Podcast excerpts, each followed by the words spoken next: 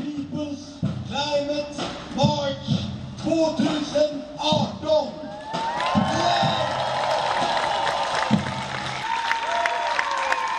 Greta Thunberg, sittstrejkaren. Och det jag kommer säga nu kommer jag säga på engelska. Och jag vill att ni alla tar fram telefoner och spelar in och sen delar. Viralt. Viralt tänk. Du representerar? Greenpeace? Eh, Greenpeace är ju inga ekoterrorismer eller ekofascister utan det har ju på namnet Greenpeace.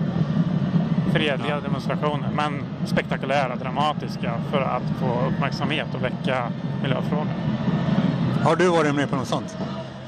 Nej, inte sådana jättedramatiska. Jag har varit på andra aktioner men inte sådana jättedramatiska. Man klättrar i skyskrapor och sånt. Men kanske i framtiden. Jag tycker att Miljöpartiet har försökt prata mer om miljön men de drivs hela tiden in i migrationsfrågan. Är det de som drivs in i den? Ja, det är min uppfattning. Ja, klart. Det är media. Alla vill bara prata om andra frågor som migrationen. Nu går de längs Norrmälarstrand mot maktens kvarter.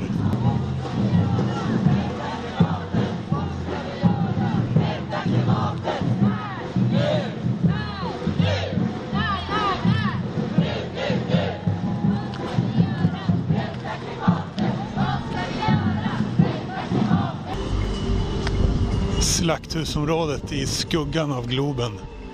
Vi vill att det ska bli lättare att till exempel få tillstånd att måla på en fasad. Eller, Vems fasad? ja, den fastighetsägarens fasad, men alltså Men förutsatt, är väl- att, förutsatt att fastighetsägaren vill det. Det finns ju regleringar nu som gör till exempel som Carolina Falkholts eh, målning blev övermålad på grund av att grannarna tyckte att den var offensiv. Ehm, Men det som är problemet nu det är att folk flyttar in i, de köper en lägenhet i innerstan och stör sig på klubben som ligger under dem och får den stängd. Det har ju liksom hänt. Och jag kan tycka att flyttar man in till innerstan, köper en lägenhet så kanske man får finna sig i att det låter. Ja, beror på. Det är ju det är en öppen fråga. Det är det ju, men de visste att det lät när de flyttade dit. Från Slakthusområdet och Teknopartiet till Riddarholmskajen och Sverigedemokraterna. Så blir det här så tydligt. Det är ett parti mot de sju gamla i det här. Annie Lööf fick ännu ett av de här teatraliska känsloutbrotten som alltid har i varenda debatt. Hon var så upprörd, hon var så arg.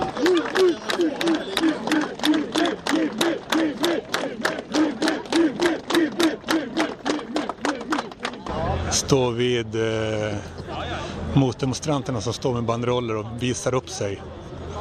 Eh, för vem egentligen? Det är frågan. Pratar du med mig? Jag bara slänger ut frågan. Jag ska cykla genom stan till eh, alla riksdagspartiers valvackor. Här är det inte så mycket politiskt spel eller tykonomi.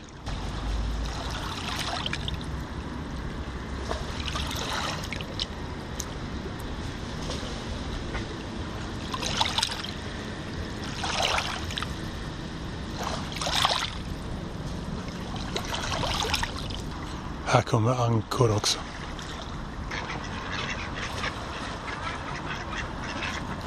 I min påse där jag har finskt rågbröd.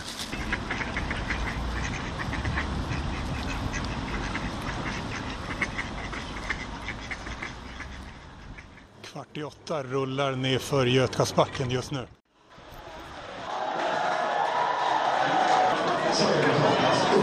Nu ska vi komma ihåg, det här är valfrihetsundersökningen.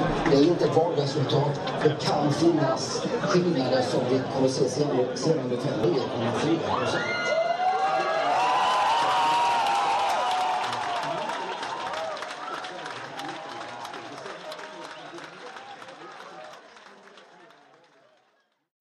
Hela det här avsnittet i podden Ledare som man får full tillgång till genom att på länk i den här poddens beskrivning betala lite grann.